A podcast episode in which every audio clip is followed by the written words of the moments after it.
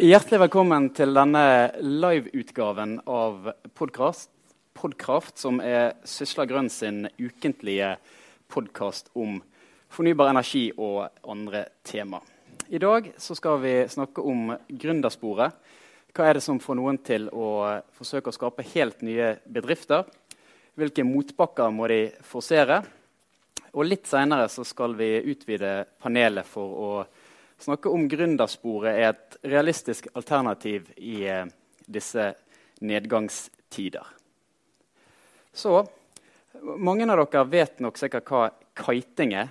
Eh, noen har kanskje til og med prøvd det i praksis eh, med ski på beina. Første gjest har tatt eh, prinsippet bak kiting et steg videre. Han skal nemlig bruke det for å fange vinden til kraftproduksjon. Eh, Bill Gates har sagt at uh, dette er fremtiden, og Google satser allerede, på det gjennom et selskap som heter Makani. Så en varm applaus til dagens hovedgjest, Thomas Horklau, daglig leder i Kitemill. Og eh, Vi skal komme tilbake til selve teknologien senere. Vi skal bl.a. se en, en videosnutt fra, fra um, den siste testingen dere har gjort. Men 60 sekunders pitchen. Hva er kitemill? Ja. Eh, vi tar da eh, og henter energien vår fra høyere luftlag. Så vi har utvikla et eh, konsept som eh, eh, utnytter prinsippet som vind vindturbinene eh, nytter egentlig. På en konvensjonell, tradisjonell vindturbin så yttes 20% av bladene produserer 80% av energien. Det er det areal, som sveiper størst areal.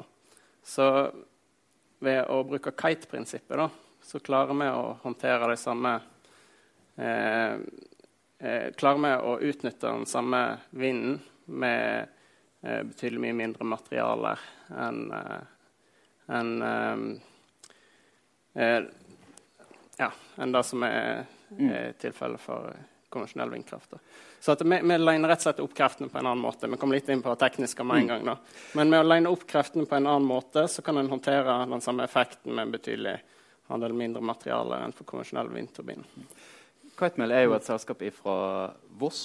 Når jeg tenker mm. Voss, så tenker jeg Ekstremsportveko, masse galskap. Og eh, denne ideen har vel det har et lite utspring fra ekstremsportmiljøet på Voss? har det ikke det? Jo, det stemmer.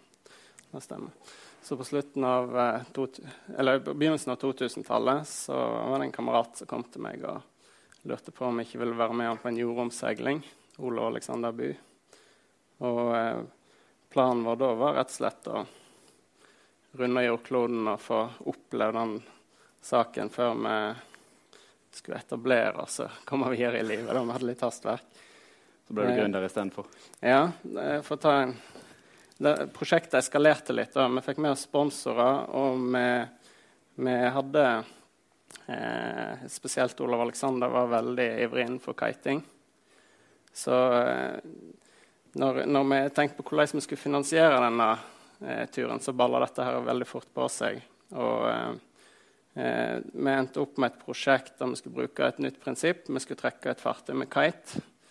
Og ved å gjøre det på den måten så klarer vi å og revolusjonere se seilbransjen. Og målet var å sette ny verdensrekord da, rundt, eh, rundt eh, jordkloden. Ja, altså hastighetsrekord? Hastighetsrekord. Mm. Så dette prosjektet eskalerte da til, fra å være en uh, guttetur til å bli uh, et prosjekt der uh, vi hadde involvert verdens beste seilere. Vi hadde ja, relativt store budsjetter på gang. Og på det tidspunktet så var ikke jeg lenger kvalifisert til å være mannskap om bord på, på, dette fartøyet. Da. min jobb da ble altså ut, utforske potensielle industrielle spin-off av teknologien. Og eh, eh, det var jo denne prosessen som brakte oss inn på fornybarbransjen. Mm. Og I 2008 så ble selskapet Kitemill eh, stiftet. Eh, I hvert fall ifølge de bedriftsregistrene jeg har lest meg opp på. Det stemmer. Eh, altså, hva var avgjørende for at dere da valgte å satse på et eget selskap og, og, så at ok, vi tror i hvert fall på at dette har noe for seg? Ja. Vi, vi så jo da, da at uh, det, dette hadde potensial for å virkelig uh, tre inn i vindkraftbransjen. Og det hadde òg potensial til å endre uh, den globale energimiksen på sikt. da. Vi ble utfordra av en aktør innenfor kraftbransjen til å presentere konseptet og potensialet. Det satte liksom i gang forretningsplanbiten. Og vi, vi leter hele tida etter feil for å finne ut om hva problemstillinger kan møte her. Vi fant ingen grunn til at dette her ikke skulle, skulle fungere. Da.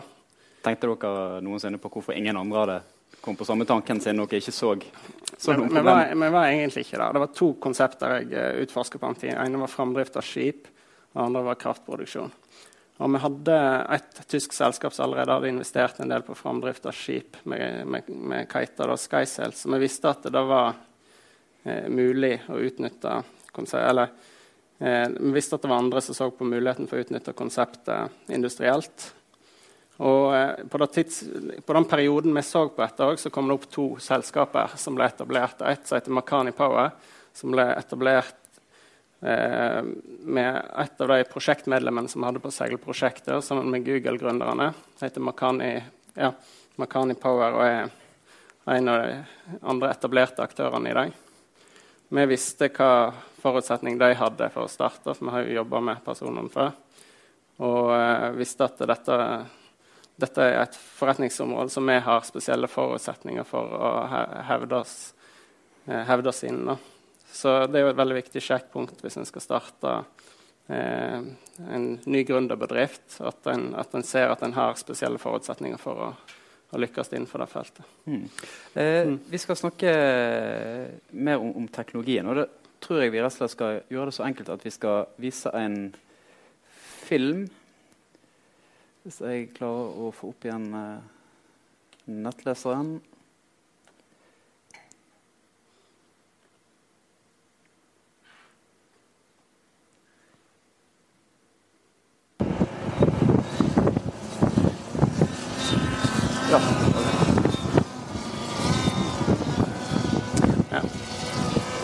kommentere litt. Det vi så her nå, er en uh, autonom takeoff.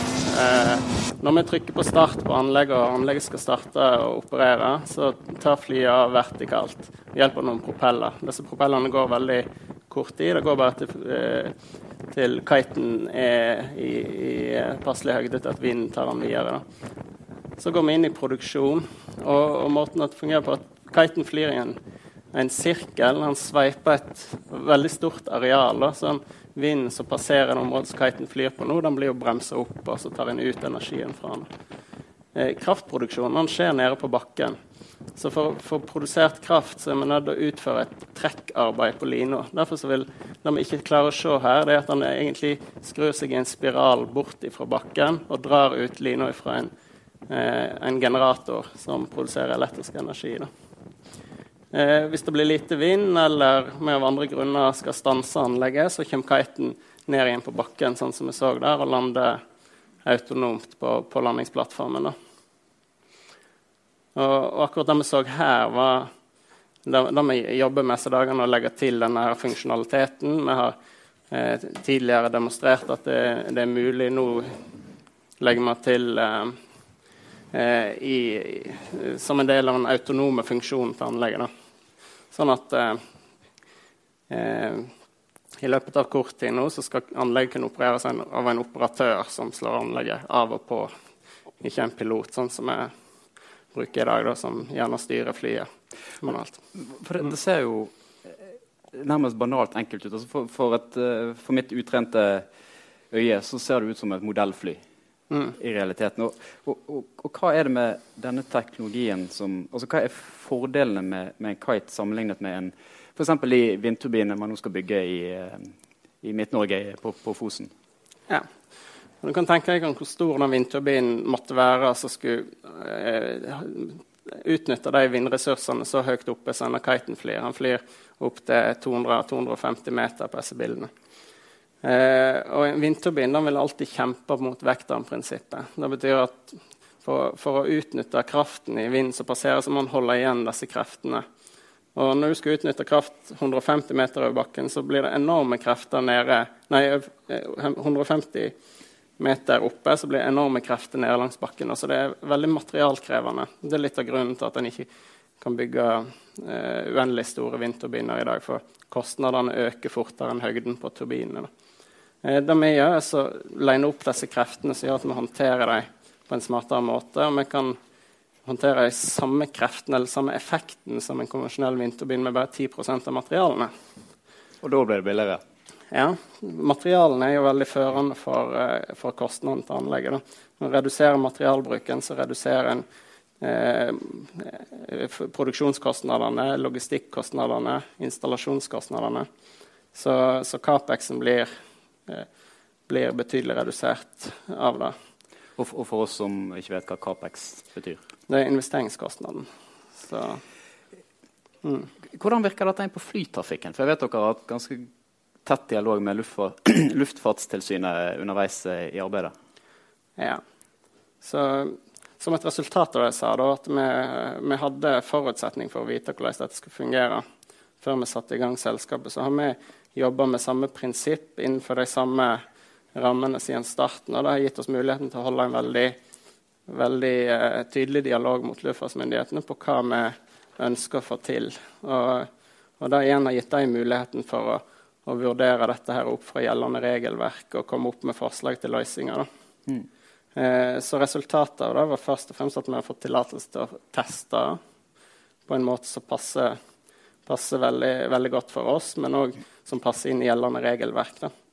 Eh, og I fjor så fikk vi da godkjent første permanente område for produksjon av energi på en annen måte. Og eh, det er jo ganske unikt. Eh, I Sokndal kommune så har vi et område som eh, har en radius på 1,8 km, en høyde på opptil 1000 meter, der vi kan etablere permanente anlegg. Eh, du kan si sånn, Hvis du skulle prøvd å få godkjent en vindturbin som opererer på over 200 meter, så har det blitt en mye vanskeligere prosess.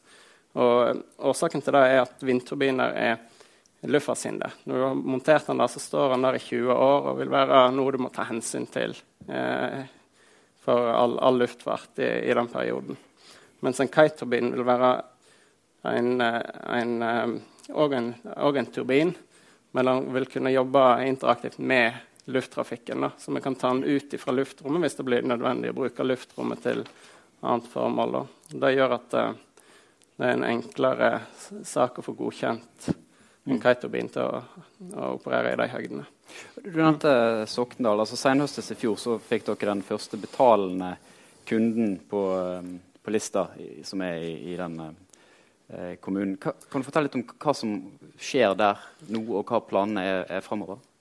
Ja, vi, vi inngikk en intensjonsavtale for å si det sånn, med, med eh, et selskap som heter Vollan Holding, Helge Michaelsen. Så, eh, der han er villig til å gå inn som pilotkunde for å operere de første eh, kommersielle anleggene. Hvor stort vil det anlegget være? Da planlegger vi å, bygge eh, noen enheter på 30 kW. Eh, for oss er det den minste størrelsen som er relevant å demonstrere. Da. Eh, men det som er ekstremt viktig i denne fasen her for oss, det er ikke å produsere kilowattimer, men å produsere operasjonstimer. For at vi må demonstrere at denne teknologien fungerer i en sånn målestokk at vi kan lage relevant statistikk for eh, framtidige investeringsbeslutninger. Mm. Mm. Eh, det, altså det spørsmålet som, som, møter veldig mange nye former for fornybar energi i Norge, er jo om det er, er lønnsomt. Hva, hva, er, jeg sjekket For bergensområdet så var spotprisen på strøm søndag som var nå 15,3 øre per kilowatt. Ja, hvordan, hvordan, går det i forhold til dere? Nei, det er klart, Med så lave priser så er det vanskelig å etablere noe som helst form for ny kapasitet. Eh, enten han er veldig moden og gode prosjekter, eller eh, spesielt for ny teknologi. Eh, så, så, du kan si sånn at når, når markedet er sånn, så, så, blir det vanskelig. Men jeg syns vi skal ta fram ny teknologi allikevel. Og, eh, og, du kan si at eh, når størstedelen av den globale energimiksen består av fossilt brensel, så må det, må det, skje en utskiftning. Og det vil være insentiver for å få det til. Og det må komme inn ny teknologi. Teknologi går òg ut på eh, levetid, da. så vi må skifte ut ny teknologi. Så vi vet at det fins eh, det, vil, det vil bli høyere energipriser på sikt. Da. Ikke nødvendigvis her i Norge først. Men det, det, er jo ikke så stor betydning når en lanserer ny energiteknologi. Da må en alltid søke det markedet der insentivene er sterkest. Da. Så det betyr at dere ser vel så mye utenfor Norge som, som her hjemme? Ja, men samtidig så prøver vi å få plass rammebetingelsene her i Norge, sånn at vi får eh, demonstrert teknologien her. For at Vi mener at vi bør bygge ut dette her i Norge nå, ikke, ikke nødvendigvis for at vi trenger kraften, men fordi at vi vi ønsker å etablere en ny eksportindustri.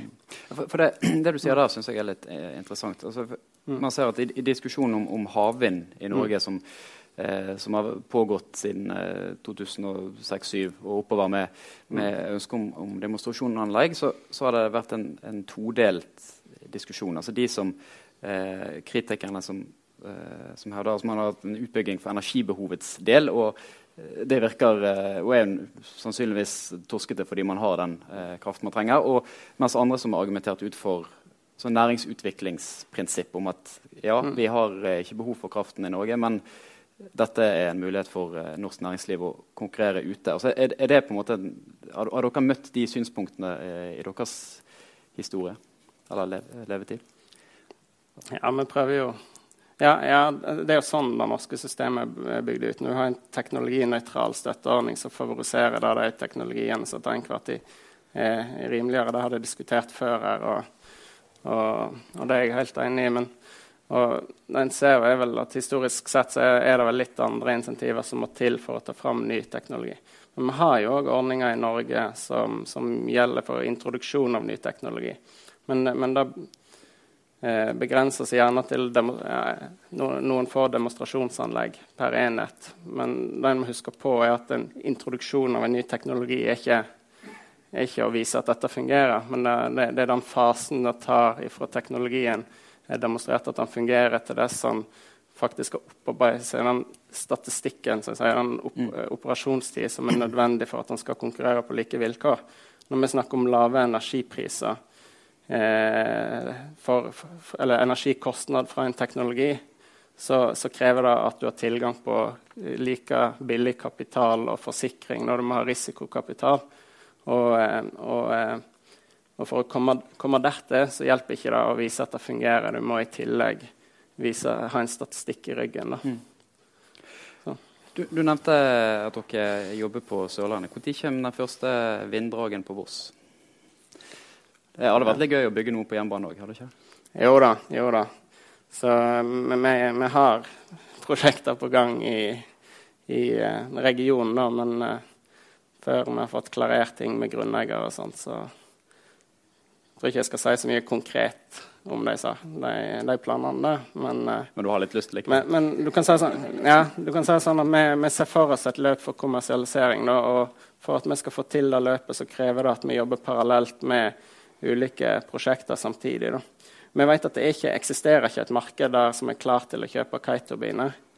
Eh, og for at vi skal hva skal si, enable, starte opp dette markedet, da, mm. så, så, må vi legge alt sammen til rette. Så det betyr at vi utvikler eh, sitene sjøl og, og det, skaffer nødvendige tillatelser og gjør det veldig enkelt for eh, gjerne privatpersoner, selskaper eller energiselskaper å komme inn og så og investere på en veldig definert prosjekt, en definert risiko. Mm.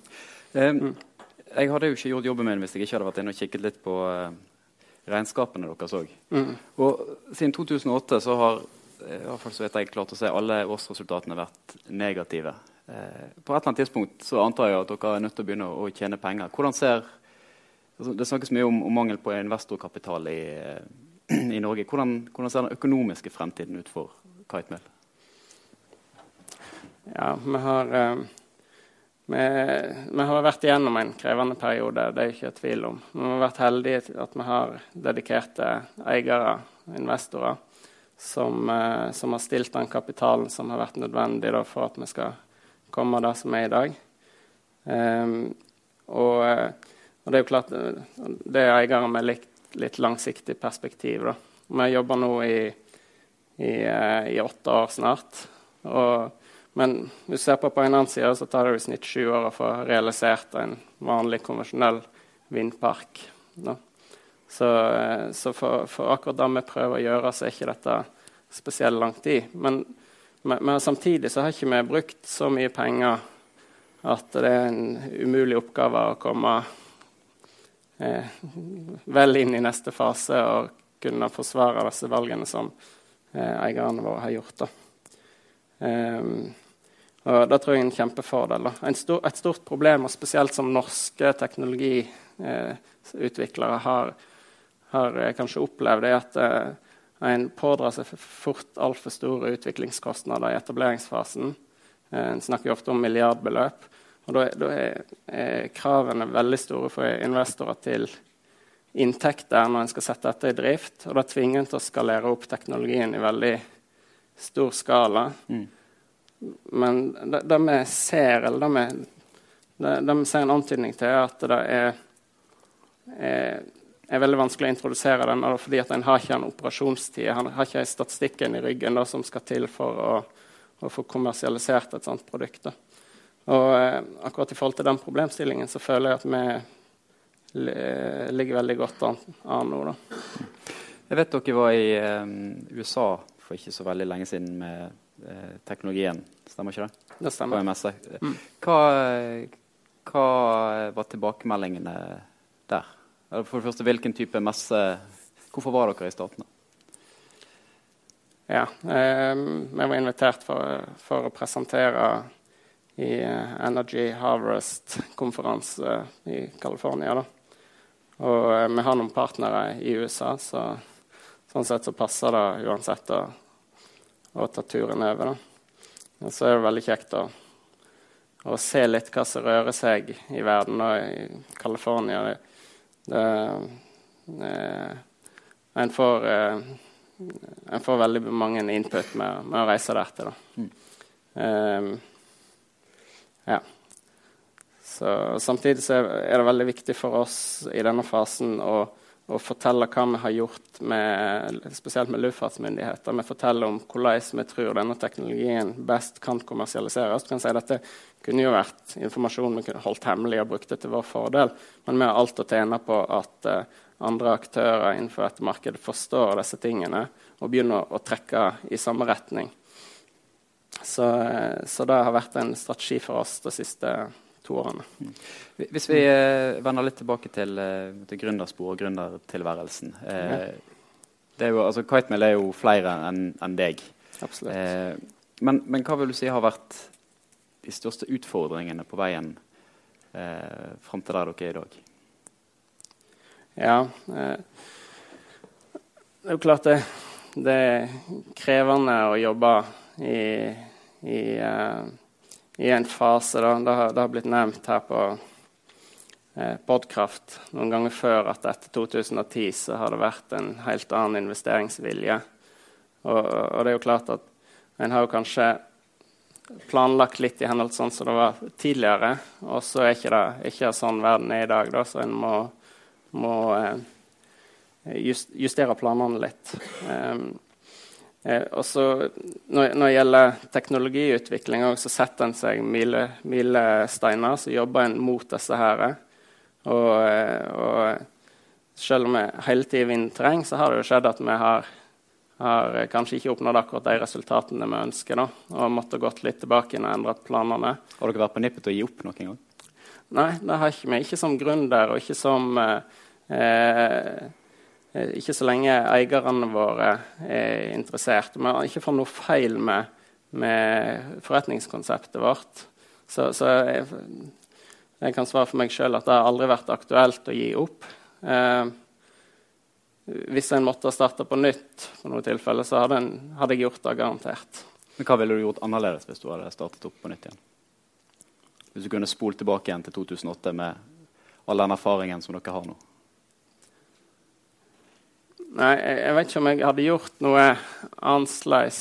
Eh, Det må jo være en god, god følelse. se- Selvfølgelig, selvfølgelig så, så hvis jeg hadde visst alt jeg visste nå, så hadde jeg jo gått rett på den tekniske løsningen som vi har i dag. Og, og sånt. Så det, det hadde jo vært eh, en, en kjempefordel. Men hvis jeg, hvis jeg fortsatt måtte ha funnet ut de tingene jeg hadde gjort, så føler jeg at vi har jobba med veldig konkrete problemstillinger hele veien, og vi har gjort veldig viktige, eh, viktige oppdagelser og viktige valg for å komme videre. Når ser vi den første fullskala Teiteparken i kommersiell drift? Eh, Så kommer vi inn på et viktig tema. Hva er fullskala? Så, så det vi presenterer, vi presenterer for eksempel, Hvis vi skulle operert på samme skala som gjennomsnitts vindturbiner i, i dag, så kunne vi ha levert en energikostnad omtrent på halvparten av det, det de turbinene leverer. Men eh, en, annen side av den saken er jo at vi vil kunne tangere kostnadene av konvensjonell vindkraft på et tidligere tidspunkt. Så, eh, og det har vi regna litt på og sett på. Det, det, det tidspunktet kommer jo før vi passerer 1 megawatt eh, anlegg. Mm. Så, så det er det er, er, er jo en viktig milepæl. Samtidig så ser vi allerede nå at på, på små anlegg, 30 kW-anlegg, så kan vi hevde oss mot 30 kW eh, fornybarteknologier. Så det, det er jo en veldig, veldig viktig milepæl. Men det, det er ikke markedet. Så jeg vil si at markedet eh, det, det tidspunktet er på det tidspunktet vi kan konkurrere på like vilkår som eh, moden teknologi. da. Og eh, eh, vi tror at det er mulig før 2020. Det er fire år til. Mm. Absolutt. Så er det tyst i salen. Eh,